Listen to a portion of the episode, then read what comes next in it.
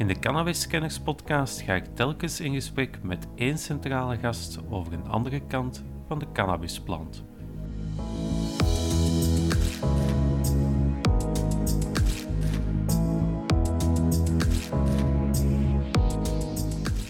De aanwezigheid van cannabis op de Belgische markt proberen te bestrijden door het product illegaal te maken, is geen oplossing.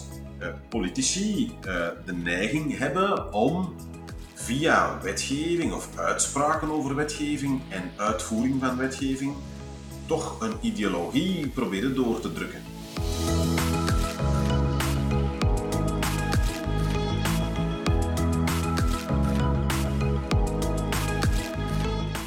De gast in deze elfde aflevering is Tom Goossens, advocaat gespecialiseerd in cannabiswetgeving.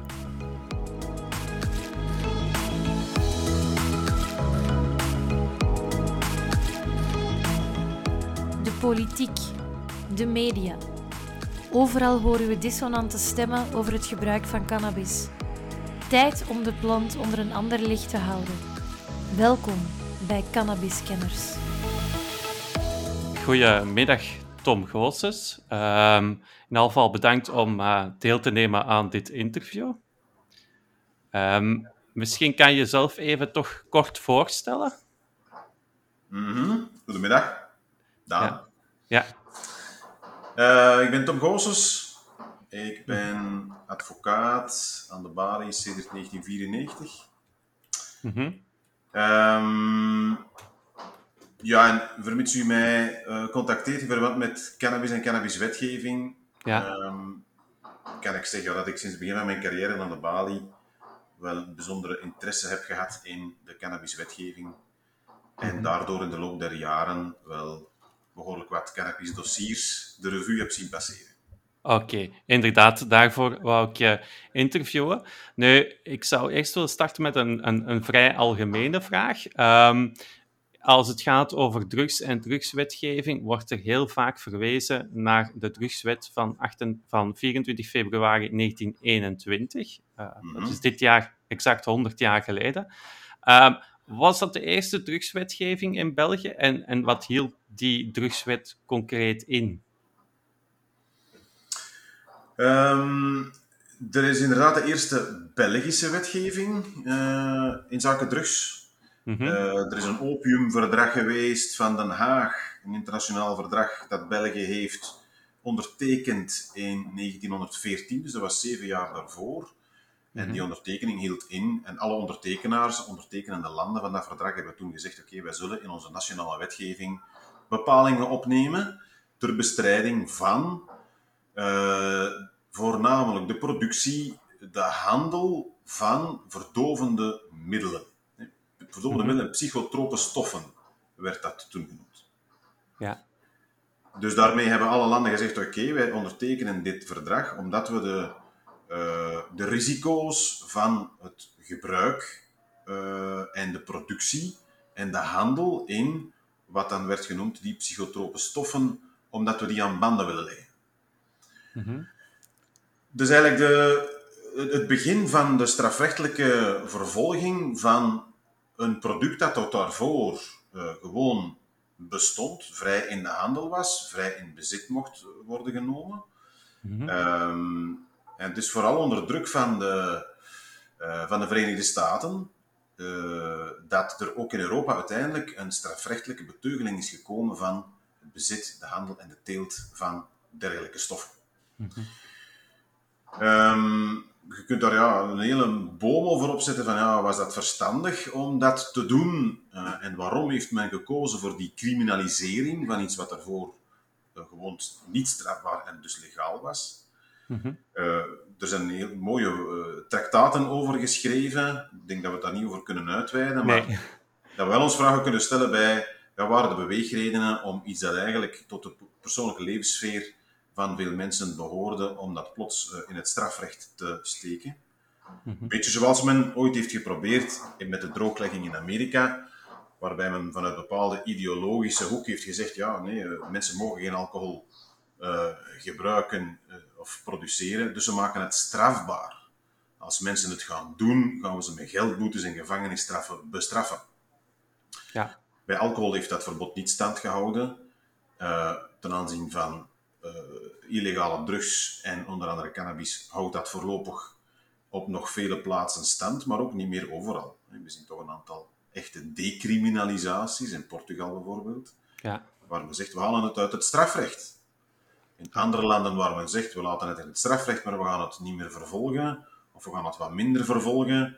Mm -hmm. uh, en in die laatste categorie zit België zo'n beetje wat in een schemerzone, hè, wat betreft cannabis dan toch.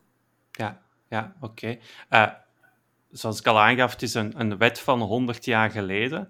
Um, een heleboel van die stoffen die we nu beschouwen als drugs, uh, ik noem maar iets, um, MDMA, LSD, um, dat soort zaken, uh, speed, die bestonden toen nog niet. Is die drugswet dan in de afgelopen 100 jaar nog gewijzigd? En, en hoe gebeurde dat dan in, concreet in wetgeving? De wet zelf uh, van 1921 uh, is bij mij weten voor het, ja, niet voor het eerst. Er zijn verschillende wijzigingen gebeurd, zo mm -hmm. in de marge, kleinere, niet zo heel relevante wijzigingen, tot aan een grote wijziging in 2003. Mm -hmm. Dat is mhm. specifiek voor cannabis. Ja, inderdaad. Als je zegt, ja, hoe, zijn, hoe is LSD er ooit opgekomen, wat nog niet ja. bestond in 1921? Um, in België is het zo dat de, de overheid, dus niet het parlement, maar de overheid kan zeggen, bij koninklijk besluit maken we een lijst waarop we stoffen plaatsen waarop de drugwetgeving van toepassing is. Ja. En naarmate er nieuwe stoffen op de markt komen, kunnen ze die lijst uitbreiden bij koninklijk besluit. Ja. Vooral met synthetische drugs is dat een, uh, een, een, achterhaalde race altijd geweest, waarbij de overheid, ah, we stellen iets nieuw vast op het terrein, ah, dat is precies toch gevaarlijk, ah, we moeten het KB aanpassen, ah, een nieuwe stof erbij. Ja. Waarbij dan één molecuul werd gewijzigd door de producenten en dat product dan weer niet meer strafbaar was. Dat is mm -hmm. nu wel opgevangen door te zeggen, ja, al wie uh, voor, voorbereidende handelingen stelt om drugs te produceren, is strafbaar. Ook al is de drug nog niet gemaakt. En kan je daar een concreet voorbeeld van geven? Wat, wat, wat, wat kunnen dan voorbereidende handelingen zijn? Is dat een pot grond kopen? Is dat, is dat, hoe moet ik me dat voorstellen? Wat zijn voorbereidende handelingen? Goeie vraag. Uh, want in de voorbereiding van die wet, die uh, ik denk 2017 uh, is gewijzigd, of die bepaling die gewijzigd is, mm -hmm. um, het is duidelijk dat men heeft geprobeerd om vooral de aanmaak van synthetische drugs aan banden te leggen. Ja. Door te zeggen, ja, het is niet nodig dat we een eindproduct aantreffen om iemand te kunnen vervolgen. Het volstaat dat we een laboratorium aantreffen met daarin een aantal vaten van stoffen die kunnen worden gebruikt tot om te zeggen, ah, die heeft zich strafbaar gemaakt aan voorbereidende handelingen tot het vervaardigen van synthetische drugs, dus strafbaar. Ook al is het eindproduct nog niet gemaakt. Ja. Maar men heeft dan in één beweging niet alleen de aanmaak van synthetische drugs op die manier strafbaar gesteld, ook de teelt van cannabisplanten en andere illegale planten, door te zeggen, ja, als we kunnen aantonen dat iemand met potgrond uh, onderweg is en een teellamp en een tentje, dan kunnen we zeggen, die man of vrouw was van zin om uh, planten te gaan kweken dus dat zijn voorbereidende handelingen tot de teelt van cannabisplanten. En dat is strafbaar. Mhm. Hoewel er geen plant is aangetroffen, kun je daarvoor toch al worden vervolgd en gestraft. Oké. Tot daarvoor kon dat niet, dus dan kon men ergens een, uh, een plantage aantreffen in opbouw, uh, mm-hmm. met nog geen cannabis stekken, maar wel alles klaar om een plantage te starten. Maar die mensen konden dan niet worden vervolgd, omdat er geen cannabis of geen cannabisplant was aangetroffen. En nu zegt men, als we voorbereidende handelingen vaststellen, is er toch een strafbaarheid en vervolgen we. Wat ook effectief gebeurt. Oké, okay, dus ja, ze, ze hebben eigenlijk dat geld proberen op te vullen om ook ja, dat als strafbaar te stellen. Um, ja. Je sprak daar inderdaad over, en, en, dat is wel een cruciale, denk ik, als het gaat over cannabis, de periode 2003, begin jaren 2000 eigenlijk. Is er toch iets veranderd in de drugswet en, en een onderscheid tussen uh, softdrugs, de cannabisproducten en andere drugs gemaakt. Hoe is dat juist in zijn werk gegaan, dat proces? En, en, en wat betekent dat eigenlijk concreet vandaag nog? Mm. als je kijkt naar de Belgische cannabiswetgeving, is dat inderdaad een scharniermoment geweest. De wetgeving van 2003. Um, die heeft zijn aanloop gekregen in 1996, waar het parlement uh, heeft beslist om een parlementaire werkgroep drugs samen te stellen. Uh, in die parlementaire werkgroep zaten dus parlementariërs, maar er werd een, een hele stoet van experten uitgenodigd. Um, experten op het vlak van drughulpverlening, toxicologen, uh, criminologen, politiemensen, mensen uit de justitie, die allemaal die werkgroep hebben bezocht, die allemaal hun eigen mening, standpunt, expertise hebben gedeeld met de werkgroep. Um, dat is een zeer uitgebreid document geworden, de nota die daaruit is voortgevloeid. Wijlen Bryce de Ruiver heeft dat ooit het uh, moederdocument van de Belgische drugwetgeving genoemd. Ja. Um, en die parlementaire werkgroep heeft dus tot een heel uitgewerkt standpunt gekomen, dat uiteindelijk geleid heeft tot de wetswijziging van 2003. Mm -hmm. En ten aanzien van cannabis, wat was daar van belang? Uh, van extreem belang is dat men daar heeft gezegd, kijk, we stellen uit al die besprekingen en onderzoeken met experten, stellen we vast dat cannabis een aparte positie heeft in de groep van de illegale drugs. Mm Men heeft tot die conclusie gekomen, uh, zeggen dat, kijk ja, ten eerste, de aanwezigheid van cannabis op de Belgische markt is blijkbaar een onoplosbaar probleem. Dat is van die aard, hè, dat is in dergelijke mate aanwezig en in dergelijke lagen van de bevolking, dat een, een strafrechtelijke bestrijding daarvan niet opportun is. En twee heeft men gezegd, mhm. we stellen vast, uit alle onderzoeken die ons hier zijn meegedeeld, dat de schadeverwekkende gevolgen van het gebruik van cannabis toch veel geringer zijn dan van andere stoffen, zelfs bepaalde legale stoffen zoals alcohol en tabak. Dat zijn letterlijke conclusies die die parlementaire werkgroep drugs heeft gemaakt, die letterlijk te lezen staan in die drugsnota van 2001, die uiteindelijk hebben geleid tot de wetswijziging van 2003. Dus cannabis krijgt daar een apart statuut, los van andere illegale drugs. Vanuit die twee overwegingen, het is zo talrijk aanwezig, en twee, de schadeverwekkende gevolgen zijn blijkbaar toch minder dan andere zaken die we wel als legaal beschouwen. Ja, Daaruit voortvloeiend heeft men dan gezegd, ja, wat gaan we dus doen met ons huidig, huidig strafrechtelijk beleid ten aanzien van cannabis? Ah, we gaan dat ook wijzigen. En we gaan zeggen dat het niet problematisch bezit voor persoonlijk gebruik van cannabis, dat dat de laagste vervolgingsprioriteit krijgt vanaf nu. Dus niet problematisch bezit voor persoonlijk gebruik. Men heeft er niet aan gedacht om het uh, klaar en helder en transparant te formuleren, zodat het voor iedereen duidelijk is. Ja, het zijn wel vage termen, hè? Het zijn heel vage absoluut, termen. Absoluut. Die natuurlijk voor een hele hoop interpretatie uh, verschillen en moeilijkheden hebben geleid, tot op vandaag. Um, maar men heeft dus eigenlijk willen zeggen, kijk, de bedoeling van de strafwet mag niet zijn dat we mensen die in het bezit zijn van een kleine hoeveelheid cannabis voor persoonlijk gebruik, of die een plant telen voor persoonlijk gebruik. Het is niet de bedoeling van onze wetgeving dat we die gaan strafrechtelijk vervolgen voor een correctionele rechtbank, gaan opzadelen met gevangenisstraffen, met een strafblad, dat we ons gerechtelijk apparaat daarmee gaan belasten. Dat is niet meer onze bedoeling. Mhm. Want we hebben geleerd uit die werkgroep dat dat eigenlijk allemaal precies toch nogal meevalt uh, wat betreft de schadelijke gevolgen. Dus we gaan naar de laagste strafrechtelijke vervolgingsprioriteit aan geven.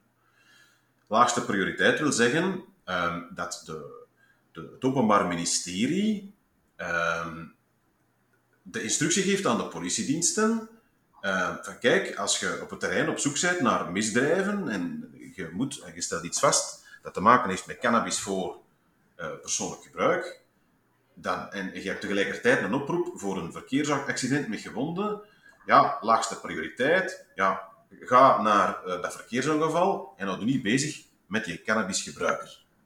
Mhm. Procureur, als je twee dossiers bij je krijgt en je hebt veel werk, uh, ik trek het nu een beetje op flessen, uh, houd je bezig met dat ongeval, vervolgt die een dronken chauffeur en houd je niet bezig met die een gebruiker van cannabis, die voor de rest geen overlast heeft veroorzaakt. Okay. Dat heeft men dus in de wet vastgelegd, sedert 2003.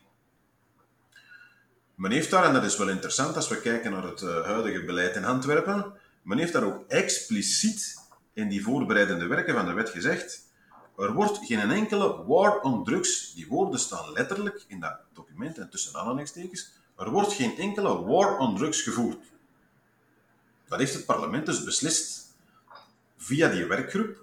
En dat is letterlijk de basis van de wetswijziging van 2003. Geen war on drugs. Als je dan nu een bepaald politicus uh, met de nodige fierheid en tromgeroffel voortdurend dat woord, of die term in de mond hoort nemen en daarop ziet uitvoeren op het terrein, mm dan kunnen we ons de vraag stellen, uh, ja, heeft, is die op de hoogte van wat het parlement in 2003 hier in België gestemd heeft? Mm uh, en waar zijn die inzichten naartoe dat een war on drugs niet wenselijk is? Zeker niet als het over cannabis gaat. Um, maar dat is dus de wetswijziging die in 2003 is doorgevoerd. Ik noemde dat een scharniermoment en dat is absoluut een cruciale wetswijziging geweest, waarvan ik helaas moet vaststellen dat rechtbanken niet, heel, niet altijd op de hoogte zijn van de achterliggende uh, beweegredenen, hoe die wetgeving tot stand is gekomen. Mm. En hoewel degelijk aan cannabis dat apart statuut is gegeven en dat bezit voor persoonlijk gebruik uh, als een overtreding is gekwalificeerd geworden, Overtreding wil zeggen niet strafbaar met gevangenisstraffen, maar enkel met een lage geldboete, namelijk uh, eh, 15 tot 25 euro maal 8, dat is een 100, uh, dat is 140 en, tussen ja. 140 en 200 euro.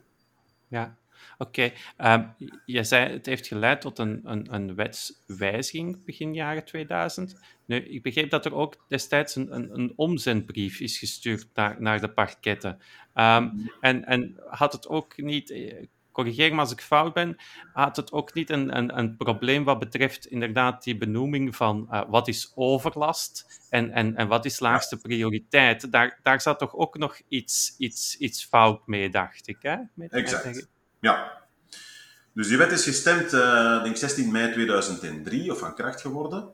Mm -hmm. um, en er is dan een uh, procedure gestart voor het arbitragehof, vandaag ja. dat het grondwettelijk hof, over die bepalingen uh, overlast en uh, persoonlijk gebruik. Vooral, vooral het begrip overlast was daar geviseerd.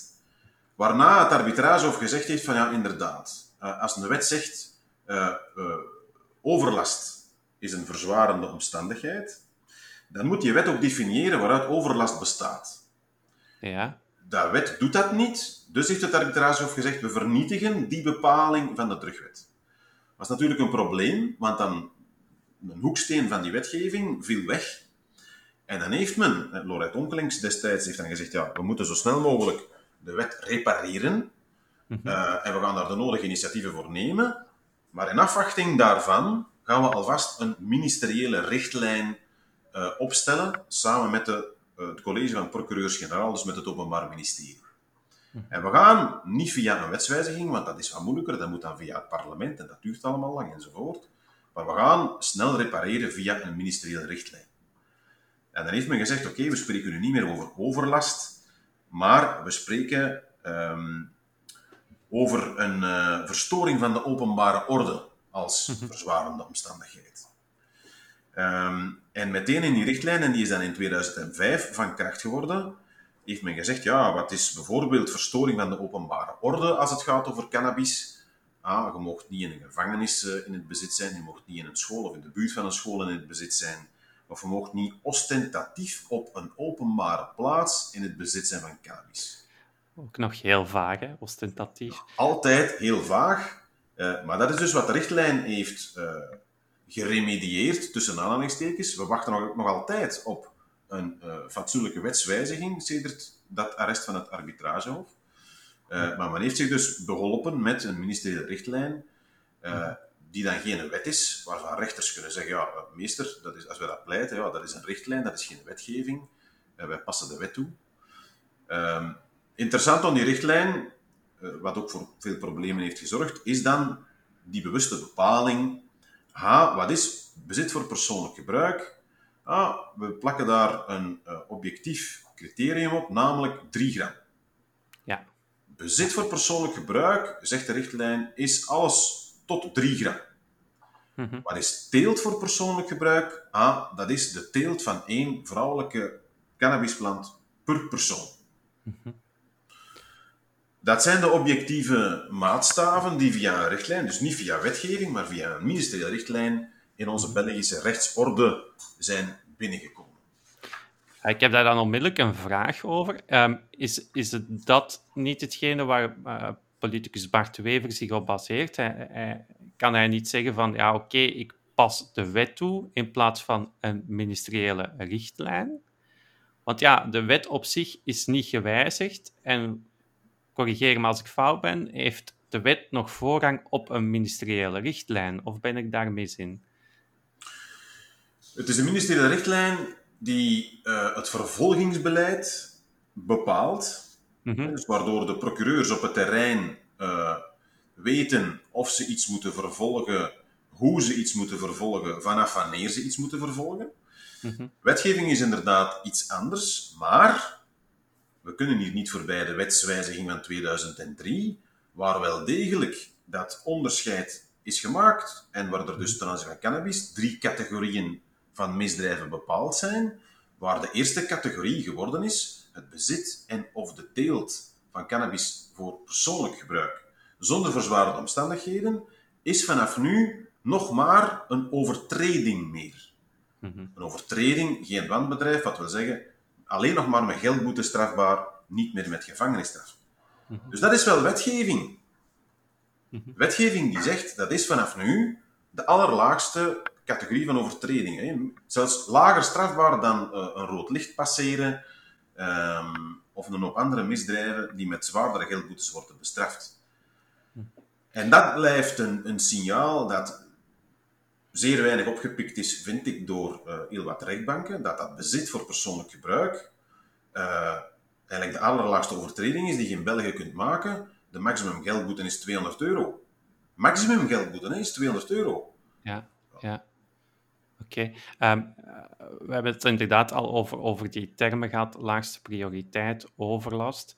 En dan komen we misschien ook uh, daarbij betrekken de onmiddellijke middelijke schikking. Hè? Dat is een term die ja, je ook vaak hoort in, in dat, in dat uh, debat. Mm -hmm. al die termen, um, zorgen die dan niet voor een soort van rechtsonzekerheid en een, en, en daaruit volgende rechtsongelijkheid tussen de verschillende steden? Ik geef het voorbeeld van Antwerpen, waar mhm. Onmiddellijk wordt overgegaan tot die onmiddellijke middelijke schikking. En als je dan in een andere gemeente of andere stad komt, daar wordt die regel niet toegepast. Klopt dat dat dat dan zorgt voor rechtsongelijkheid en rechtsonzekerheid voor de burger? Ja, dat is zo. Dat is zo en dat is met elke wetgeving die uh, niet heel transparant is en uh, vaak vage bewoordingen hanteert, en er is nogal wat wetgeving in België die daaronder valt, um, dat is dat je. En dus in, België, we zijn opgedeeld in, in, in arrondissementen, en in elk arrondissement hebben we een procureur des konings die het vervolgingsbeleid bepaalt in zijn uh, ambtsgebied. En dat is natuurlijk op hoger niveau dan door het college van de vijf procureurs-generaal van België samen besproken, die dat doorzetten naar hun procureurs. En we verwachten dan dat in elk ambtsgebied op een, de wet op een gelijkaardige manier wordt toegepast. Maar dat is niet zo. Dat is niet zo en we zien dat vandaag de dag in Antwerpen er op een helemaal andere manier met bezit van cannabis persoonlijk gebruik wordt omgegaan dan bijvoorbeeld in, uh, in Limburg of in Brussel of in West-Vlaanderen. En... en, en hoe komt dat? Want ja, het gaat hier toch over eh, de uitvoerende macht. Op zich zou politiek daar dan toch geen invloed op mogen hebben? Of vergis ik mij daar ook in? Ja, zou inderdaad niet mogen. Maar we zien dat, en dat is eigenlijk sedert de invoering van cannabis in het strafrecht, uh, en we zien dat nu ook uh, in Antwerpen en op andere momenten en andere plaatsen ook, dat uh, politici de neiging hebben om via wetgeving of uitspraken over wetgeving en uitvoering van wetgeving toch een ideologie proberen door te drukken. En dat is wat cannabis betreft uh, duidelijk zichtbaar. Als je ziet hoe de Belgische wetgever, dus het parlement in 2003, tot die cannabiswetgeving is gekomen, ja, dan zou je moeten zeggen, sinds 2003 had er eigenlijk niemand niet meer mogen vervolgd worden die in het bezit van cannabis voor persoonlijk gebruik is aangetroffen geweest. Want dat had de laagste vervolgingsprioriteit sinds En toch zien wij dat er tientallen, honderden mensen vervolgd en veroordeeld zijn. Hm. Omdat onder druk van ja, bepaalde politici uh, men strafuitspraken heeft gedaan. En als je dan zegt dat we een war om drugs voeren, ja, dan geeft eigenlijk een beeld dat niet spoort met de wil van de Belgische wetgever. En dat is problematisch. Oké. Ehm, ik heb de term dan net al gebruikt. Misschien kan je hem een beetje toelichten, die onmiddellijke middelijke schikking. Ik denk dat ik het zojuist uh, uh, omschrijf. Wat houdt dat juist in? Voor cannabis, want het heeft een bedrag van 75 euro. Maar wat, wat houdt dat juist in en wanneer wordt het gebruikt? Ja, de onmiddellijke schikking is iets dat ja, niet zo heel veel voorkomt in ons Belgisch uh, rechtssysteem.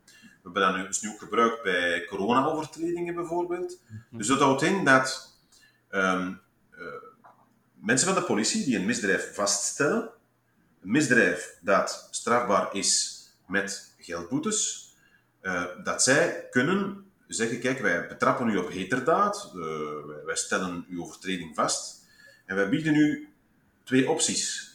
Ofwel betaalt je nu onmiddellijk een geldboete, de OMS, de onmiddellijke middelijke schikking. Ofwel uh, betaalt je die niet en dan moeten wij een proces verbaal opmaken, verhoor, dan gaat uw dossier naar de procureur en dan gaat de procureur beslissen en dan kan het zijn dat je vervolgd wordt voor de rechtbank voor deze overtreding. Het is een beetje hetzelfde bij de meeste verkeersovertredingen als je geverbaliseerd wordt, krijg je daarna een uh, pro justitia toegestuurd van kijk, wij hebben uw overtreding vastgesteld. Uh, hier is een overschrijvingsformulier. Je kunt uw vervolging voor de rechtbank vermijden als je de middelijke schikking betaalt. Betaalt je die niet, dan word je toch vervolgd voor de politierechtbank. Mhm. Hier is het ook zo dat de politie dan zegt, kijk, ofwel betaalt je nu, en dan gaat je met zekerheid niet worden vervolgd, ofwel betaal je niet, maar dan kunnen we niet zeggen wat er met je dossier gebeurt. Mhm. Vaak gebeurt dat dan op een nogal sturende, bij momenten intimiderende wijze, waarop de betrokkenen zegt, oké, ja, ik zal maar beter ineens betalen, want ik wil niet voor de rechtbank komen voor die gram cannabis die ze hier net in mijn bezit hebben aangetroffen. En zo wordt er dus, uh, ja, worden de boetes betaald en geïnd voor zaken die misschien, als ze voor de rechtbank zouden komen, uh, niet tot een veroordeling van de betrokkenen zouden leiden. Eh, je spreekt over een intimiderende manier. Uh, wat bedoel je daarmee? Dat, dat de politie nogal snel zegt van, tegen mensen van ja, als je niet betaalt, gaat het waarschijnlijk erger worden? Of, of hoe, moet ik dat dan voor me zien? Ja, ik denk dat de meesten onder ons zulke verhalen wel eens hebben gehoord. Um, van iemand die al dan niet terecht uh, wordt staande gehouden op de openbare weg en waarvan de politie vermoedt dat er een misdrijf mogelijk is gepleegd. Ehm, waarbij de politie, als die correct zijn werk doet, in alle objectiviteit en neutraliteit uh, de vaststellingen doet en de nodige verhoren doet, maar waarbij we soms zien dat op het terrein ja, politiemensen durven gebruik te maken van uh, hun macht een mhm. uh, uh, autoritaire positie om, in dit geval vaak jongeren, uh, jongere overtreders van een eventueel cannabisverbod, om die op die manier toch tot betaling te bewegen. Um, en ja, ik, de verhalen die ik hoor, en ik ben er natuurlijk niet bij als het gebeurt, dus ik moet daar voortgaan op de verhoren of de verklaringen van die cliënten mij doen, maar gebeurt dat niet altijd op een, op een neutrale manier. Oké. Okay. Um, ehm, om nog even bij die onmiddellijke, onmiddellijke schikking, vanuit uw ervaring, hè, zou u zeggen van, ja, stel je, je wordt tegengehouden door de politie met, met 1 of 2 gram, hè, laten we zeggen, je komt uit Nederland, je wordt door de politie tegengehouden aan de grenscontrole, en men zegt van, oké, hier betaal 75 euro, of de keuze, het gaat naar het parket. Um, de meeste mensen zullen waarschijnlijk direct betalen. Is dat vanuit uw optiek ook het verstandigste? Hmm. Dat is een moeilijke vraag, ik weet het, maar... Ja, ja ik begrijp de vraag. Ik krijg ze hier ook even toe. Um, ik kan geen um, juridisch advies geven in het algemeen. Nee, dat begrijp ik. Ehm, dit gaat over uh, wetsovertredingen en wat te doen als je uh, wordt ondervraagd uh, hierover. Of wordt geïnterpelleerd door politiediensten.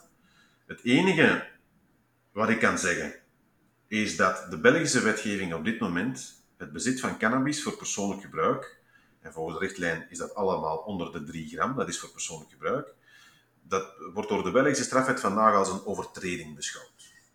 Mhm. Overtreding verjaart zes maanden na de feiten. Dus de Mhm. mogelijkheid voor het parket om iemand te vervolgen voor een overtreding, zoals het bezit van cannabis voor persoonlijk gebruik, verjaart na zes maanden, maximaal eh, verlengbaar met nog eens zes maanden. Dus na één jaar zijn alle overtredingen in verband met cannabis verjaard. Dus te zeggen, iemand die voor de eerste keer zulke overtreding maakt, de, dan spreken we over een overtreding categorie, eh, eerste categorie, dat verjaart na zes maanden. Als je dan weet dat, stel, die persoon, en het is een louter hypothetische situatie, ja. station, 2 gram, en je zegt, ja, nee, eh, verhoor mij maar, ik ga geen minderlijke schikking betalen. Wat moet de politie dan doen? Dat is u meenemen naar het politiekantoor voor verhoor of u een uitnodiging sturen om een paar dagen later op verhoor te komen. Eh, Dan zult je worden verhoord, je legt uw verklaring af. Uw verhoor gaat dan naar het parket van de procureur des Konings, eh, die dat moet verwerken en die dan moet beslissen, wat ga ik hier doen? Ga ik een minderlijke schikking voorstellen of ga ik die persoon dagvaarden voor de correctionele rechtbank? We weten dat daar gemiddeld 10 à 12 maanden overheen gaat tussen vaststelling en beslissing van de procureur des Konings vervolgen of niet vervolgen. Ja, Ja, ja. ik moet daar geen tekening Nee. bij maken dat veel... Dan zijn die zes maanden over, hè? Dan zijn die al voorbij. Ja, Oké. en ik moedig niemand aan om dat te doen. Ik zeg alleen wat de huidige stand van de Belgische wetgeving is en wat veel mensen, maar ook veel politiemensen en helaas soms ook magistraten blijkbaar nog niet altijd goed weten. Dat is dat bezit voor persoonlijk gebruik wel degelijk verjaard na zes maanden. Oké. Ehm, om eventjes bij, een, bij de concrete situatie te blijven, hè, als, als, als wat denk ik het vaakste gaat voorkomen, is inderdaad de politie houdt iemand tegen met een, een kleine hoeveelheid cannabis. Wat zijn de acties die de politie dan effectief mag doen? Ehm, ze mogen u fouilleren. Ze mogen uw identiteitskaart vragen. Mhm. Ehm, stel dat er een bezit wordt vastgesteld, dan eh, kan de politie dus voorstellen onmiddellijke beschikking. Als je dat weigert, dan zal er gezegd toch goed, dan eh, eh, komt je mee naar het eh, politiekantoor voor verhoor. In het, in het politiekantoor kan dus er een verhoor worden afgenomen, waarbij je kunt zeggen, ik, ik leg geen verklaring af, ik beroep mij op mijn zwijgrecht. Kan, je mocht dat doen.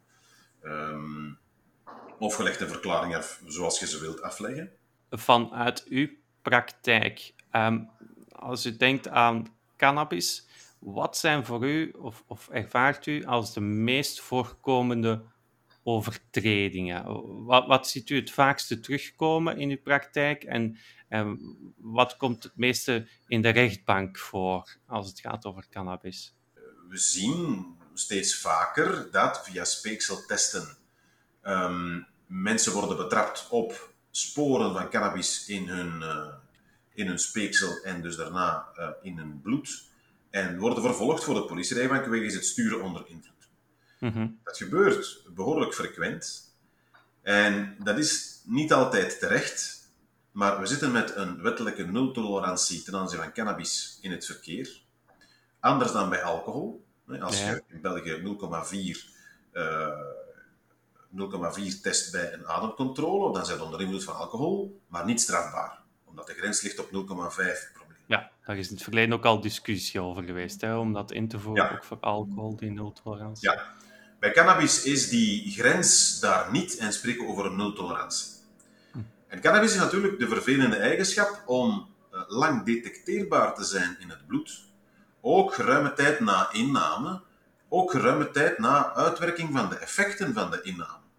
Ja, Dat betekent dat mensen die op dagelijkse basis eh, cannabis gebruiken, ehm, en die twee dagen na hun laatste gebruik bijvoorbeeld worden tegengehouden en bij een standaard controle een speekseltest moeten afleggen, dat die riskeren om positief te testen op cannabis. Ja. Die gaan vervolgd worden met 100% zekerheid. Die gaan met 100% zekerheid veroordeeld worden voor de politiebank wegens het sturen onder invloed van cannabis. Terwijl hun gebruik misschien al 48 uur geleden is, zij dus niet meer onder invloed zijn, maar de stof nog altijd kan worden gedetecteerd en dus de politierechter ervan uitgaat, het zit in je bloed, het mag er niet, het is een nultolerantie, dus je waart wettelijk gezien onder invloed, dus ik veroordeel u rijverbod, een maand. Rijverbod uh, is de klassieke straf voor sturen onder invloed, uh, heel vaak met uh, opnieuw afleggen van theoretisch rijexamen, praktisch rijexamen, psychologische en medische testen bij een dokter om aan te tonen dat je wel degelijk in staat bent om te sturen. Dus wij zien soms drama's gebeuren uh, bij mensen die op die manier zwaar worden veroordeeld. Zeker als dat bijvoorbeeld een tweede keer binnen de drie jaar gebeurt. Ja, dan heb je een verdubbeling van je maximumstraffen. Mensen die dus maanden een rijbewijs kwijtspelen, terwijl ze eigenlijk geen enkele keer werkelijk onder invloed van cannabis hebben gestuurd, maar er nog wel sporen van cannabisgebruik gedetecteerd geweest Dus dat is toch een, een, een wettelijke situatie die absoluut uh, snel zou moeten worden aangepakt en moeten worden besproken, omdat dat niet, uh, dat is niet correct, dat is niet, niet juist. En als ik dan u hoor, zijn die straffen dan bij cannabis ook een pak hoger dan iemand die onder invloed van alcohol wordt tegengehouden? Want daar liggen die straffen toch een anders, denk ik. Ik denk niet dat we kunnen zeggen dat de straffen bij alcohol uh, merkelijk lager liggen, maar we zien toch bij de meeste politierechters, en dat is altijd zo geweest, ook bij correctionele rechters, dat uh, er een, ja, een grote aversie bestaat ten aanzien van illegale drugs. dus wat minder ten aanzien van alcohol, hoewel de meeste politierechters uiteraard en terecht streng zijn ten aanzien van alcohol in het verkeer, um, zien we dat ja, drugs in het verkeer toch nog net iets negatiever wordt gepercipieerd um, dan alcohol. En dat dus ja, mogelijk daar men nog net iets strenger is. Hoewel we kunnen zeggen dat men over de ganse lijn, uh, ook ten aanzien van alcohol in het verkeer, zijn de, zo goed als alle politierechters vandaag zeer streng. Terecht, denk ik. Maar ik zie daar toch een probleem met cannabis in zeer lage hoeveelheden, uh, waarvoor nog altijd mensen worden veroordeeld, hoewel er volgens mij geen eh, uitwendige tekenen zijn geen invloed op de stuurvaardigheid van de betrokkenen. Ja, dat is het, het verkeer. Wat zijn zo nog zaken die u vaak voorbij ziet komen in, in verband met cannabis? Uh, je hebt natuurlijk de categorie teelt. Ja. Um, op te splitsen in twee eh, subcategorieën. Dat is de teelt voor persoonlijk gebruik. En dat is de, de, de wat ze in Nederland noemen de, de broodkwekers. Um, mensen die um, ja, in zeer grote hoeveelheden en op korte tijd uh, massaal cannabis kweken om in het illegale circuit te smijten. Um, dus dat is één en dat wordt uh, stevast vervolgd en er worden ook strenge uh, straffen voor uitgesproken als de feiten worden bewezen verklaard. Er zijn ook stevige verbeurdverklaringen van alle opbrengsten die er geweest zijn. En alle materialen. De teelt voor persoonlijk gebruik valt op zich ook nog eens uiteen in mensen ja, die ene plant voor zichzelf telen en uh, mensen die een paar planten voor zichzelf telen. Um, ik heb daar al verhitte discussies over gevoerd voor verschillende correctionele rechtbanken en hoven van beroep, waarbij ik zeg, ja, die ene plant is redelijk arbitrair, uh, want je kunt één buitenplant hebben uh, waar een kilo uh, cannabis, ja. uh, als je het een beetje goed gedaan hebt, van kan gehaald worden. En je kunt vijf binnenplanten hebben waar je met, dan, met veel moeite 100 grammen van als oogst hebt. Inderdaad, het is nogal ook weer heel vaag. Hè? En, en, en ook ja. wat is voor persoonlijk gebruik? Als je iets gaat aan vrienden geven, is het dan nog persoonlijk gebruik? Nou, daar is men dan zeer streng in. Alles wat je uitdeelt, dan word je beschouwd als een handelaar. Dus dat mag niet. Um, maar dus dat onderscheid binnen teelt, buiten teelt, ja. die ene plant per persoon, dat is ja, men heeft er iets van objectiviteit in willen brengen in die omzendbrief, maar dat geeft op het terrein uh, ja, vaak problemen. Nu, laatste, want er is toch wel een kleine, maar gestadige evolutie in mijn opinie aan de gang binnen de rechtspraak. Ik heb uh, een paar maanden geleden een vrijspraak bekomen voor het Hof van Beroep voor iemand die met twaalf planten uh, was betrapt. Twaalf planten in zijn tuin, uh, medicinaal gebruik. wat duidelijk meer is dan die ene plant, die voor de correctionele rechtbank in eerste aanleg twaalf maanden gevangenisstraf heeft gekregen en een paar duizend euro geldboete. Die uiteindelijk door het Hof van Beroep is vrijgesproken op basis van mijn argument, kijk, dit is teelt voor persoonlijk gebruik. Ja, het is meer dan die ene plant die de ministeriële richtlijn vermeldt, maar er is hier nergens enige aanwijzing dat die man ooit heeft verkocht. Dit is een medicinale gebruiker. Ik had een medische attest uh, waarbij zijn huisarts inderdaad cannabis voorschreef. En uiteindelijk heeft het Hof van Beroep beslist om die man vrij te spreken. Dat is nog niet zo vaak gebeurd uh, dat de rechter de moed heeft gehad om iemand die duidelijk meer dan één plant teelde, toch vrij te spreken op basis van het element. Dit is, wat mij betreft, bezit of teelt voor persoonlijk gebruik. Dus ook daar, ja, rechtsonzekerheid komt uh, in een ander rechtsgebied voor een andere rechter, gaat iemand misschien wel veroordeeld geweest zijn. Mm -hmm. um, maar hier, ja, het zijn vage begrippen. Uh, ja. Um, ja. En ziet u daar in het algemeen, als u, u doet dit toch al een x aantal jaar. Ziet u eh, vanuit de rechters daar een evolutie in, hoe zij met het thema cannabis omgaan of hoe zij uitspraken doen rond, rond zaken in verband met cannabis? Het is uh, heel uiteenlopend. Dus het is echt een, soms een individueel verschil van rechter tot rechter. Het is ook nog wat geografisch uh, dat het ook kan verschillen. Mm -hmm. Maar ik zie toch de laatste twee, drie, vier jaar um, dat ik af en toe terugkom van een zitting dat ik denk, of als ik een vonnis binnenkrijg, dat ik denk, dit zou tien jaar geleden niet gebeurd zijn. Ja, dat men, zo soep, dat men toch soepeler, eh, of als ik het zo mag uitdrukken, er flexibeler mee omgaat, er me menselijker mee omgaat. Ja, ja, ik denk dat je dat juist zegt, soepeler en vooral menselijker, omdat mij, naar mijn gevoel toch meer en meer rechters doorhebben, cannabisgebruikers zijn in vele gevallen gewone, normale burgers die geen overlast veroorzaken, die een job hebben, die belastingen betalen, die een gezin hebben, die kinderen opvoeden, die in de hulpverlening zitten en die, uh, die van allerlei slag en komaf zijn.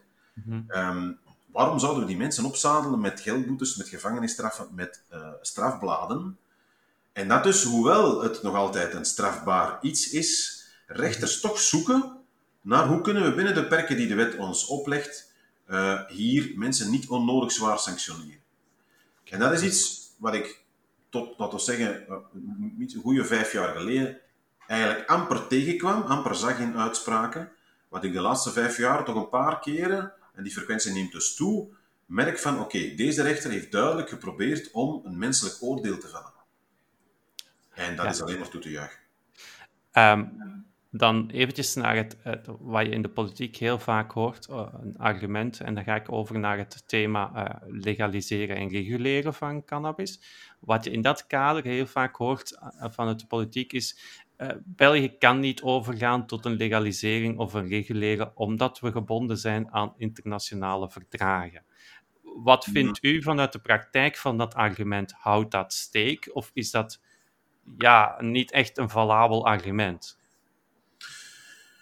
Uh, het is een zeer interessante discussie. Uh, vooral voor juristen is dat uh, zeer interessant. De mensen op het terrein zijn daar iets minder in geïnteresseerd. Ja. Of dat dan juridisch interessant is of niet. Die willen vooral weten, ja jongens, ja. wat doe je met de voortschrijdende wetenschappelijke en sociologische inzichten? Ja. ik zou kunnen beginnen met te verwijzen naar bijvoorbeeld Portugal. Ja. Portugal is ook een... Uruguay, Canada.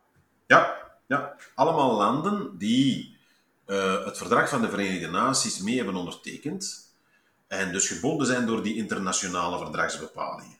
Mm -hmm. Maar die zeggen, kijk, in onze autonomie die wij hebben op ons Belgisch grondgebied, vinden wij het verantwoord om deze of deze wetgeving te stemmen hoewel die op het eerste zicht misschien niet spoort met dat internationaal verdrag, maar in een bepaalde lezing wel. Ja. Dus we zien dat er landen zijn die zeggen, ja, wij uh, respecteren die verdragen, wij zijn geen cowboys, maar wij vinden dat we binnen de perken van die verdragen blijven, door toch bijvoorbeeld tot een decriminalisering over te gaan. Dus dat is een eerste argument om te zeggen, ja, het kan. Als je wilt, dan kan het. Ja. Um, een tweede is dat, en daar is een zeer interessant werk over geschreven, het is een, een turf van, ik denk, 300, 400 bladzijden, uh, van een aantal, van twee uh, professoren, Radboud Universiteit in Nijmegen, Nederland, die expliciet een hele boek daar hebben geschreven van hoe zit het met die internationale verdragscontext en de mogelijkheden voor nationale overheden om cannabis uit het strafrecht te halen. En eigenlijk komen die tot wat ze noemen een, een teleologische interpretatie. En ze zeggen, kijk, als je nagaat wat de bedoeling is geweest van cannabis in het strafrecht te brengen, dan moet je de mogelijkheid bieden aan landen om bijvoorbeeld bezit en teelt voor persoonlijk gebruik, om dat uit het strafrecht te halen. Ja. Hoewel de internationale verdragstekst zegt elk land moet het bezit en de teelt van cannabis strafbaar maken in zijn eigen nationaal rechtssysteem.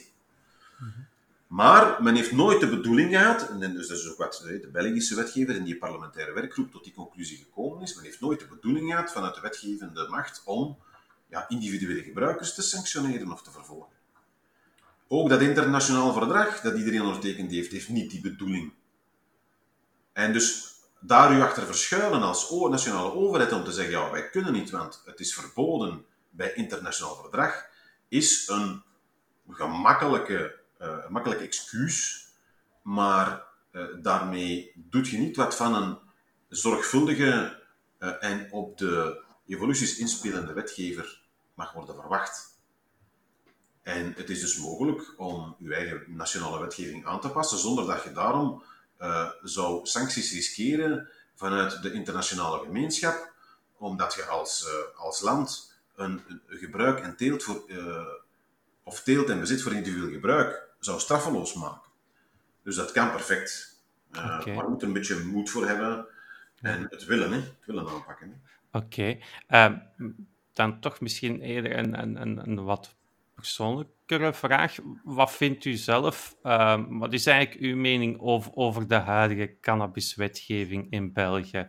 Is die nog bij de tijd? Is die accu accuraat? Heeft die eigenlijk, brengt die eigenlijk iets bij? Levert die op zich iets op?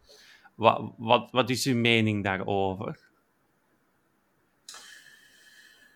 Um, ik denk in een, in een ideale wereld, zoals ik die zie wat betreft uh, cannabis, um, zou bezit en teelt voor persoonlijk gebruik uit het strafrecht moeten worden gehaald. Dus ook uit de Belgische strafwet gehaald worden. Ja. Um, als je naar een tussenoplossing zoekt en zegt, ja, nee, wij schrik dat dat het gebruik zou aanmoedigen enzovoort, wat mm -hmm. op het terrein blijkt niet het geval te zijn enzovoort. Maar ja. stel dat je zegt, nee, zover gaan we niet gaan. Ja, dan kun je naar een gedoogbeleid uh, evolueren. Ja, maar dat kennen we van in Nederland, hè? kennen we van in Nederland en eigenlijk kennen we dat ook van in België. Ja. Want ja. onze wetgeving van 2003 bepaalt ook dat het bezit en de teelt voor persoonlijk gebruik de laagste vervolgingsprioriteit moet krijgen. Mm -hmm. In de eerste uh, richtlijn stond zelfs dat mensen die werden geverbaliseerd of die werden aangetroffen in het bezit van minder dan 3 gram, dat de politiediensten wel een, een registratie mochten doen, maar dus niet de naam moesten noteren van de betrokkenen, en dat de cannabis moest worden teruggegeven. Dus dat die niet eens moest worden in beslag genomen. Ja. ja, dat is niets anders dan een gedoogbeleid ten aanzien van bezit voor persoonlijk gebruik. Mhm. Dus dat staat eigenlijk in de Belgische wetgeving is in die eerste richtlijn zelfs expliciet zo geschreven. Dus ja, met de huidige wetgeving zou men perfect op het terrein een de facto gedoogbeleid kunnen installeren, gebaseerd op de wetgeving. Dus men moet daar zelfs de wet niet voor veranderen. Maar toch gebeurt het niet. Maar het gebeurt niet. Nee. En, en wat is volgens u de reden daarvoor? Is dat, is dat puur politiek? Helaas wel, ja. Dat is mijn overtuiging dat we, uh, we vandaag het beleid kennen dat we kennen, omdat er uh, eerder rechtsgezinde partijen, en dat is traditioneel zo, um, zijn eerder, staan eerder een, een, een maatschappij voor law and order en het tolereren van uh, illegale drugs als cannabis past daar niet in. Dat, is, dat is puur ideologie. Dus uh, die partijen vrezen stemmen te verliezen als ze zouden instemmen met een liberalisering of een versoepeling van uh, het vervolgingsbeleid ten aanzien van cannabis. En zolang zij denken daar stemmen mee te verliezen, zullen zij daar niet mee instemmen. Ik denk dat dat de platte verklaring is voor wat we nu vandaag in België zien. Ja, uh, je verwees daar ook inderdaad naar Nederland, uh, het gedoogbeleid, beleid, en we kennen dat hier in België ook. Maar, maar met een dergelijk beleid uh, onthaal, haal je cannabis eigenlijk niet uit de criminaliteit, want de productie, de teelt, de, de verkoop blijft illegaal en blijft dus ook aantrekkelijk voor criminelen. Is dat dan wel een oplossing? Nee, gedoogbeleid is nooit een ideale oplossing. Absoluut niet, omdat het is, je haalt dat terecht aan. Hè. De, zolang een uh, product een illegale status heeft, uh, is er geld mee te verdienen. Mm -hmm. En zal er geld mee worden verdiend. Uh, dus cannabis, het, het, de aanwezigheid van cannabis op de Belgische markt proberen te bestrijden door het product illegaal te maken, is geen oplossing. Ik denk dat we, ja, daar zijn heel er boeken over geschreven, studies over gevoerd, studie na studie. Dat is geen oplossing om dat probleem. En er is een probleem. Er gebeurt ook problematisch cannabisgebruik. Uiteraard. Dat we niet ontkennen. Uh, maar dat lost je niet op door repressief op te treden. Dat gaat je alleen maar aan kunnen pakken door preventief op te treden. En preventie is maar mogelijk als een product geen illegale status meer heeft. Ja, oké. Okay. Um, dat wat betreft het algemeen. Ik zou het tenslotte nog ook even kort willen hebben over, um, en daar bent u denk ik van op de hoogte, van de VZ2 trekt u plant. Dat, dat klopt toch? Ja. ja. ja. Um, eerst en vooral, um, kan u mij eens zeggen wat het doel was en wat eigenlijk de, de wettelijke mogelijkheden waren van deze VZ2 om opgericht te worden? Binnen welk kader is dat mogelijk geworden? Is dat ook omwille van die wetswijziging van 2003? Ja. ja. Het is in de wetswijziging van 2003 dat uh, Weilen, helaas Weilen, Joep Omen, um, in uh, 2006, denk ik, ja, mij gecontacteerd heeft, samen met uh, Stijn en met Filip. Uh, met de melding, kijk, uh, meester Goossens, wij weten, we hebben kennis van die wetswijziging, we hebben kennis van de richtlijn, die bepaalt uh, één plant per persoon. Um, wij willen kijken hoe we individuele cannabisgebruikers kunnen helpen bij die teelt van hun ene plant.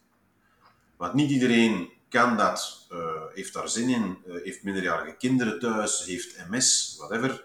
Ja. Wij willen die mensen helpen door gezamenlijk, in een gezamenlijke ruimte, één plant per persoon te telen. Kan dat volgens u? Ja, dat was mijn antwoord. Juridisch nee, dat kan niet. Maar je valt wel onder de regel dat het een overtreding is. Namelijk, eh, dat is één plant per persoon. Dat is, eh, dat is dus een bezit of een teelt voor persoonlijk gebruik. Maar natuurlijk, degene die die tien planten uh, op zijn zolder heeft staan voor de VZ2 of voor tien leden van de VZ2, ja, die heeft dan wel tien planten in zijn bezit. We gaan moeten afwachten hoe men daarop gaat reageren bij parket en bij de rechtbank als dat ooit uh, wordt vervolgd.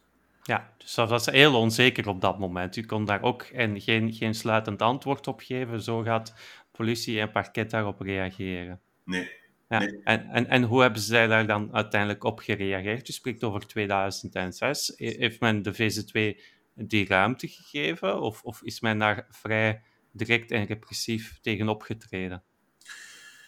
Um, VZ2 is opgericht, uh, een beetje symbolisch, uh, eh, 15 jaar en 4 dagen geleden. Um, zeer kort daarna uh, heeft de VZW een persconferentie gegeven om te zeggen, kijk, wij zijn een VZW, dit is ons doel. Wij willen de mogelijkheden voor individuele gebruikers onderzoeken om één plant gezamenlijk te telen. En we willen dat onderzoeken en binnen de grenzen van de, van de ministerie richtlijn. Ehm, dus het is zo, het is niet na ja, 2006 spreken we dan. Hè, ja. Ja, ja. Dan is er een, onmiddellijk een interventie geweest bij die persconferentie. Die stekjes werden in beslag genomen. Huiszoeking op de kantoren van Trekt uw plant. Daar werd een moederplant in beslag genomen. Een paar gram cannabis. De hele boekhouding werd meegesleurd. En de oprichters van de VZW werden vervolgd. Dat was het eerste Trekt uw plantproces. Ehm, waarbij zij dus werden vervolgd voor de, de teelt en de handel in cannabis. Ja. We hebben dat gepleit en voor het Hof van Beroep heeft het Hof van Beroep van Antwerpen toen aanvaard, 2008 denk ik, uh, ja, wat we hier vaststellen is teelt voor persoonlijk gebruik, hoewel dat er dus vijf stekjes en een moederplant waren aangetroffen. Dit is teelt voor persoonlijk gebruik, dat is verjaard. Dus we spreken die mensen vrij, hoewel die in eerste aanleg wel straffen hadden gekregen, heeft het Hof van Beroep hen vrijgesproken. Dus er is altijd of men heeft altijd geprobeerd om de VZW aan banden te leggen en te vervolgen, maar men is daar in 2008 op een eerste vrijspraak gebotst, um, waarna de VZW, al die tijd eigenlijk, zijn werking heeft verder gezet en stelselmatig heeft uitgebreid. Mm Komen dan in 2010, denk ik, waar um, de VZW een actie doet, manifestatie, cannabisaatjes uitdeelt met een handleiding, hoe kweek ik mijn eigen plant met Mhm. wat preventieve adviezen erbij, interventie van de politie, vervolging. Opnieuw veroordeling, Ja. zeg maar. Daar is toch op zich ook het, het bezit van cannabiszaden is toch niet verboden, meen ik mij te herinneren in België. Nee, dat klopt. Maar men vervolgde dat niet voor het bezit of voor de teelt, maar voor het aanzetten tot gebruik van cannabis. Wat een aparte strafrechtelijke kwalificatie is, waarvoor je dus kunt worden vervolgd en veroordeeld. Oké. Dus de leden, het bestuur van Plant werd vervolgd, werd veroordeeld correctionele rechtbank, hebben beroep aangetekend en heeft het Hof van Beroep in Antwerpen opnieuw beslist. ehm, kijk, wij spreken deze mensen vrij. Het is niet bewezen dat zij met een actie of een VZW mensen willen aanzetten tot gebruik. Het argument van de VZW was, ja, wij richten ons tot cannabisgebruikers, mensen die al gebruiker zijn. Ah ja. Dus wij willen niemand die nog geen gebruiker is aansporen of aanzetten tot. En het Hof heeft die argumentatie gevolgd en heeft tot een tweede vrijspraak geleid. Ja. En dan heeft natuurlijk, dat was een beetje tegen de zin van het Openbaar Ministerie, die eh, met alle middelen wilde de VZW klein krijgen, twee keer vervolgd, twee keer op een vrijspraak gebotst. En dan heeft men bij het parket in Antwerpen beslist, we gaan die VZW precies toch wat gerust laten. En er is daar een spraakmakend interview van toenmalig drugsmagistraat procureur des Konings Paul van Tichelt voor de NOS, de Nederlandse televisie, na die tweede vrijspraak, waarbij de, de woordvoerder van het parket van Antwerpen letterlijk zegt ja, we zijn we hebben twee keer vervolgd, maar we leggen ons neer bij het standpunt van het Hof van Beroep. En we gaan die mensen dus niet meer vervolgen. Mhm. Een letterlijke uitspraak die, als je goed vindt op YouTube, eh, nog terug te vinden is. Ehm, waarmee trekt uw plant eigenlijk het signaal kreeg van oké, wat jullie doen, Is oké. ja, doe het wat low profile en we laten jullie Ja. eigenlijk gerust. Ja. In de jaren daarna was Trekt uw plant ook uitgenodigd op het, eh, veiligheids, op het jaarlijks veiligheidsoverleg met de veiligheidscoördinator van de stad Antwerpen, waar ze dus aanwezig waren, samen met politiecommissarissen enzovoort, en waar iedereen aanwezig wist, dat zijn de mensen van Trekt uw plant. Wat is Trekt uw plant? Ah, dat is een organisatie die individuele planten teelt voor individuele gebruikers, en men heeft hen gerust gelaten. Gedurende zeven jaar, dus tussen, eh, wat is het, 2009, de vervolging voor die aanzetten tot, en 2016, heeft men niets gedaan om de mensen van Trekt uw Plant te verontrusten. Tot dan plots in 2016 er ergens een uitbater van een growshop in België wordt opgepakt. Die wordt op, eh, ook opgepakt met 600 planten, een, een individuele plantage, en die verklaart dat hij zou kweken voor Trekt uw Plant. Waarna de onderzoekers zeggen ah, trekt plant, dat zijn toch die mensen die ene plant per persoon kweken. En wij treffen hier een installatie professioneel met 600 planten. Waarna men gezegd heeft, misschien moeten we toch eens wat dichterbij gaan bekijken, wat trekt uw plant uitspookt. En dan is men begonnen met uh, observatietechnieken, hoewel trekt plant nooit iets in het verborgene heeft gedaan, en in alle transparantie zelfs een boekhouding bijhield, ledenlijsten bijhield, duidelijk bijhield, zoveel kilo, zoveel gram, zoveel personen, zoveel euro, zoveel onkosten, uh, is men met een observatie begonnen en heeft men dus maanden gesurveilleerd om dan te proberen dat wat in kaart te brengen. Uh, en dan stond men met een anonieme wagen in de Haantjeslei aan het uh, officiële maatschappelijke zetel van de VZ2 Trekt Plant te kijken wie er binnen ging, wie er buiten ging, uh, van een algemene vergadering waar er notulen van werden gemaakt, notulen die werden bijgehouden in registers. Dus het was allemaal open en publiek. Maar het parket heeft daar gedacht, ja, uh, we gaan hier mogelijk strekt uw plant kunnen ontmaskeren als een grootschalige handel ja. in cannabis, -huh. wat niet gelukt is, omdat het ook niet het geval was. Dus men heeft dan wel bij een aantal kwekers binnengevallen, die dan 15, 15, 20 planten teelden, met telkens de eigendomsbewijzen van deze plant is van meneer X, deze ja. plant is van mevrouw Y, die verklaren ook dat het een eigendom is. Um, maar men heeft dus dat ganse systeem opgedoekt en men heeft hen vervolgd. En uh, in mei 2019 heeft het dan tot de eerste zitting geleid, correctionele rechtbank Antwerpen, waar, ik denk, bijna 30 mensen werden vervolgd. Werden vervolgd voor de handel en de teelt van cannabis in vereniging, dus met een verzwarende omstandigheid. Um, dat heeft geleid tot een veroordeling, uh, gevangenisstraffen tussen de 12 maanden en de 20 maanden. Verbeurdverklaringen in sommige gevallen een paar tienduizenden euro's. Ontbinding van de VZ2. Dus een zeer zware veroordeling voor ja, mensen die eigenlijk activisten uh, waren, zijn, die niets anders wilden dan mensen te helpen die niet wisten hoe ze hun eigen plant goed konden kweken, maar die wel vaak medicinaal uh, afhankelijk waren van cannabis om hun leven leefbaar te maken. Mm -hmm. uh, allemaal volwassenen, sommige recreatieve gebruikers, niet problematisch, maar die werden ineens dus geconfronteerd met gevangenisstraffen tot 20 maanden, wat door iedereen werd aangevoeld als een onredelijk zware straf. Uh, nagenoeg iedereen heeft ook beroep aangetekend. En dat heeft dan geleid tot een arrest van het Hof van Beroep in Antwerpen in februari 2021. Dat gelukkig, gelukkig, en dat is dan een van die uitspraken waarvan ik achteraf dacht, er is iets aan het veranderen, ja. maar gelukkig die drie rechters van het Hof van Beroep Antwerpen, dus dit jaar, februari 2021, die dat eerste vonnis volledig hebben hervormd en iedereen die vervolgd werd, het voordeel van de opschorting heeft gegeven. Opschorting is eigenlijk de gunstigste sanctie die je van een Belgische rechtbank op strafgebied kunt krijgen, waarbij de rechtbank zegt, we, je bent schuldig aan de feiten waarvoor je werd vervolgd, maar ik ga u geen straf opleggen.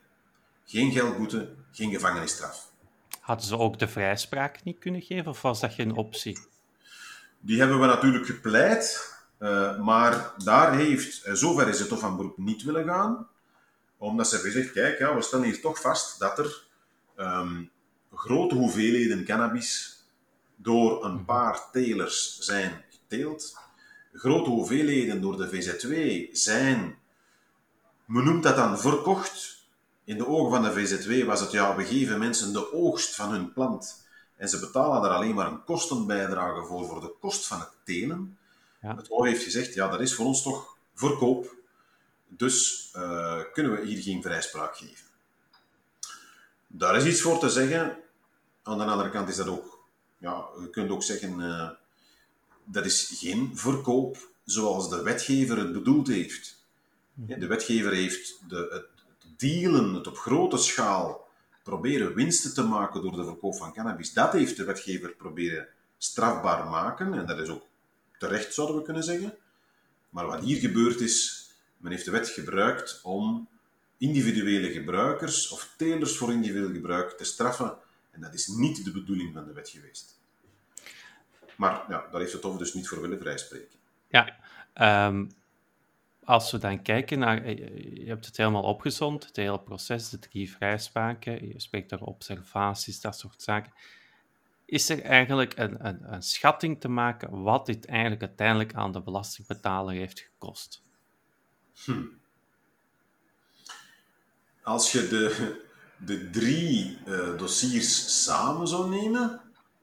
Um, Inclusief rechtelijke stappen ondernomen, werkuren, uh, mm. politieacties, telefoontaps eventueel. Ik weet niet wat ze allemaal hebben gedaan.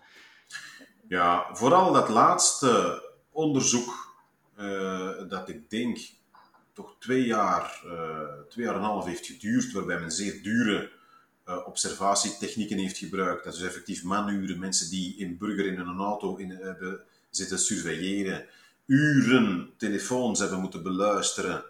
Um, ja, je spreekt hier over uh, wellicht uh, honderdduizenden euro's aan manuren en middelen van justitie die ingezet zijn om een VZ2 te vervolgen en te proberen veroordeeld te krijgen, uh, waarvan uiteindelijk het Hof van Beroep zegt, ja, wat die mensen hebben gedaan, straf ik met de allerlichtste straf die het Belgische strafrecht voorziet, namelijk een opschorting van straf.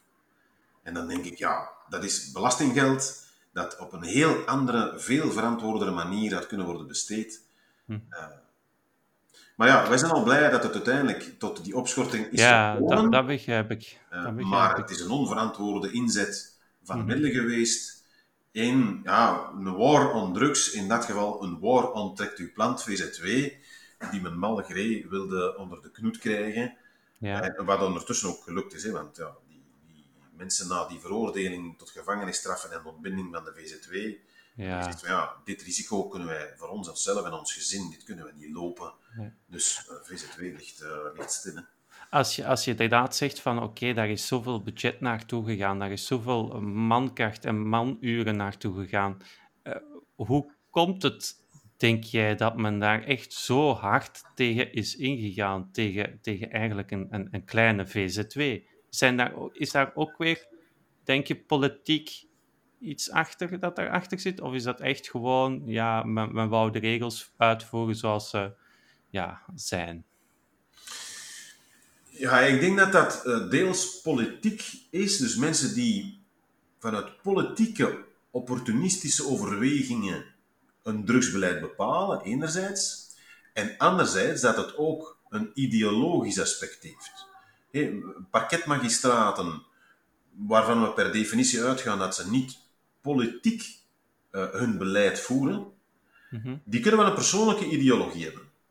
Ja. Stel u voor dat je parketmagistraat zijt of rechter zijt en je hebt een, uh, een neefje van uh, eh, 14 jaar die problemen heeft met zijn cannabisgebruik en die uh, stopt met school, die thuis gaat lopen, die in een instelling belandt en die uiteindelijk uh, tot veel zwaarder gebruik komt. Als dat uw persoonlijke ervaring is als magistraat en je krijgt dan een volwassen cannabisgebruiker voor u, dan gaat er anders naar kijken dan wanneer je als magistraat in je eigen jeugdjaren of misschien nog steeds in je vrije tijd af en toe wel eens een jointje durft te roken. Ja, dat zijn twee totaal andere persoonlijke achtergronden, mhm. die per definitie zijn maar mensen tot een andere toepassing van diezelfde wetgeving gaat leiden. Mhm. Is dat iets dat je ook in de praktijk hebt gezien? Dat, dat, dat rechters daar op, rond dat thema uh, toch persoonlijk uh, laten doorwegen, hun visie of hun, hun opvatting? Nee, rechters zijn daar uh, beducht voor om op een zitting een persoonlijk standpunt te laten blijken. Mm ik. Ehm, maar ja, vraag dat aan elke strafrecht, eh, strafpleiter of iemand die geregeld drugsdossiers pleit. Ja, je weet bij sommige magistraten dat er een allergie is ten aanzien van cannabis en bij uitbreiding andere illegale drugs. Mhm. Ehm, ja, en dat er dus ook geen ruimte is voor debat over bijvoorbeeld de achterliggende beweegredenen van de Belgische wetswijziging van 2003 omdat dat wordt afgedaan vanuit een ja, persoonlijke overtuiging. En dat zou niet mogen. Mhm. Maar we zien dat helaas wel te gebeuren. Nog een laatste vraag. um, dat is de toekomst. Hè? Als we kijken naar het, we hebben het daar straks ook een beetje gehad over het internationaal uh, uh, ontwikkelingen. Hè? Je spreekt over Portugal decriminalisering, Canada een heleboel Amerikaanse staten en Uruguay volledige legalisering en regulering. Hè? Um, en nu sinds kort ook Mexico. Um, in, het geval van Mexico heeft ook blijkbaar het Hooggerechtshof daar een rol in gespeeld. Is dat iets, want als, er zijn verschillende pistes, denk ik, om tot, tot, tot actie te komen, hè, ofwel vanuit de politiek. Is het ook een optie of een mogelijkheid dat dat in België via gerechtelijke weg uh, een, een, vooruitgang inkomt in, in dit thema, of, of uh, ja, in, in deze thematiek rond cannabis? Uh, dat kan. Dat kan, maar het lijkt mij in België weinig waarschijnlijk. Ja. Um, het Hof van Cassatie heeft zich tot hiertoe nog niet zo vaak moeten uitspreken over de wet van 2003. Mm -hmm. Maar heeft wel al uh, een aantal argumenten die wij in de loop der jaren hebben opgeworpen tegen de wet en de onduidelijkheden in de wetgeving enzovoort. Um, heeft die argumenten niet weerhouden. Mm -hmm. En heeft dus eigenlijk gezegd: de Belgische drugswetgeving op het vlak van cannabisregulering ja. um, is uh, beantwoord aan alle vereisten van het legaliteitsbeginsel. Uh, Ja. En er is daar geen probleem mee. Ook het grondwettelijk hof uh, ziet daar geen graten in. Oké, okay. dus, het vanuit die hoek gaat het niet komen. Ik, niet op korte termijn. Maar natuurlijk kan is dat daar iets progressievere rechters op die plaatsen terechtkomen. En als er dan een dossier aanhangig wordt gemaakt, Mhm. uh, zeg ik niet dat misschien binnen vijf jaar daar een andere uitspraak zou kunnen komen. Um, En wat voor dossiers zijn dat dan, dat daar aanhangig, aanhangig worden gemaakt? Zijn dat echt mensen die echt, echt tot het uiterste gaan om, om, om uh, ja, een, een uitspraak te forceren? Of, of wat voor dossiers zijn dat dan die, die daar uiteindelijk aanhangig worden gemaakt? Ja, dat is uh, heel af en toe. Dat zijn mensen die, uh, één, zeer vastberaden zijn om alle juridische middelen uit te putten en twee, daar ook de centen voor hebben. Ja. Ja, dat om daarin te investeren. Ja. Uh, wat ik een interessant initiatief vind, is van uh, een paar collega's van mij, onder andere Walter van Steenbrugge uit Gent, ja. die op dit moment een aantal mensen aan het verzamelen is uh, om een class action, dus een gezamenlijke uh, actie, juridische actie te ondernemen tegen de Belgische staat, ten aanzien van een aantal bepalingen uit de cannabisreglementering. Ja. Om te zeggen, kijk, wij vinden dat uh, strijdig met een aantal bepalingen van de grondwet. Um, en wij willen kijken of we de grondwettelijke toetsing kunnen laten uitvoeren uh, door het grondwettelijk hof. En als dat zo vasthouden, kijken of we eventueel naar Europese juridische instanties, Hof van Justitie, Europees Hofrechten van de Mens kunnen gaan, mm -hmm. om daar desnoods via supranationale rechtspraak toch iets te forceren in België. Ja, oké. Okay. Maar als ik het zo hoor, is dat ook iets van lange adem. uh, gerecht en lange adem moet je altijd in één en dezelfde zin uitspreken, helaas. Uh, maar ja, er, er, wordt dus wel op die manier geprobeerd om, uh, om iets te, geforceerd te krijgen. Ja, oké. Okay. Ik denk dat we het hierbij kunnen laten. Ik wil in ieder geval heel hartelijk danken voor het interview en voor de tijd vrij te maken. Zeer graag gedaan. Zeer graag gedaan. Het is een interessant debat dat de gemoederen beroert al lang. Ja. Het zal nog wel even zo blijven, denk ik. Dat denk ik ook. Ja, ja. Bedankt, Tom Goossens, voor dit uitgebreide gesprek. En u luisteraar, u hoort binnenkort graag terug voor een nieuwe aflevering van de Cannabis Kenners podcast.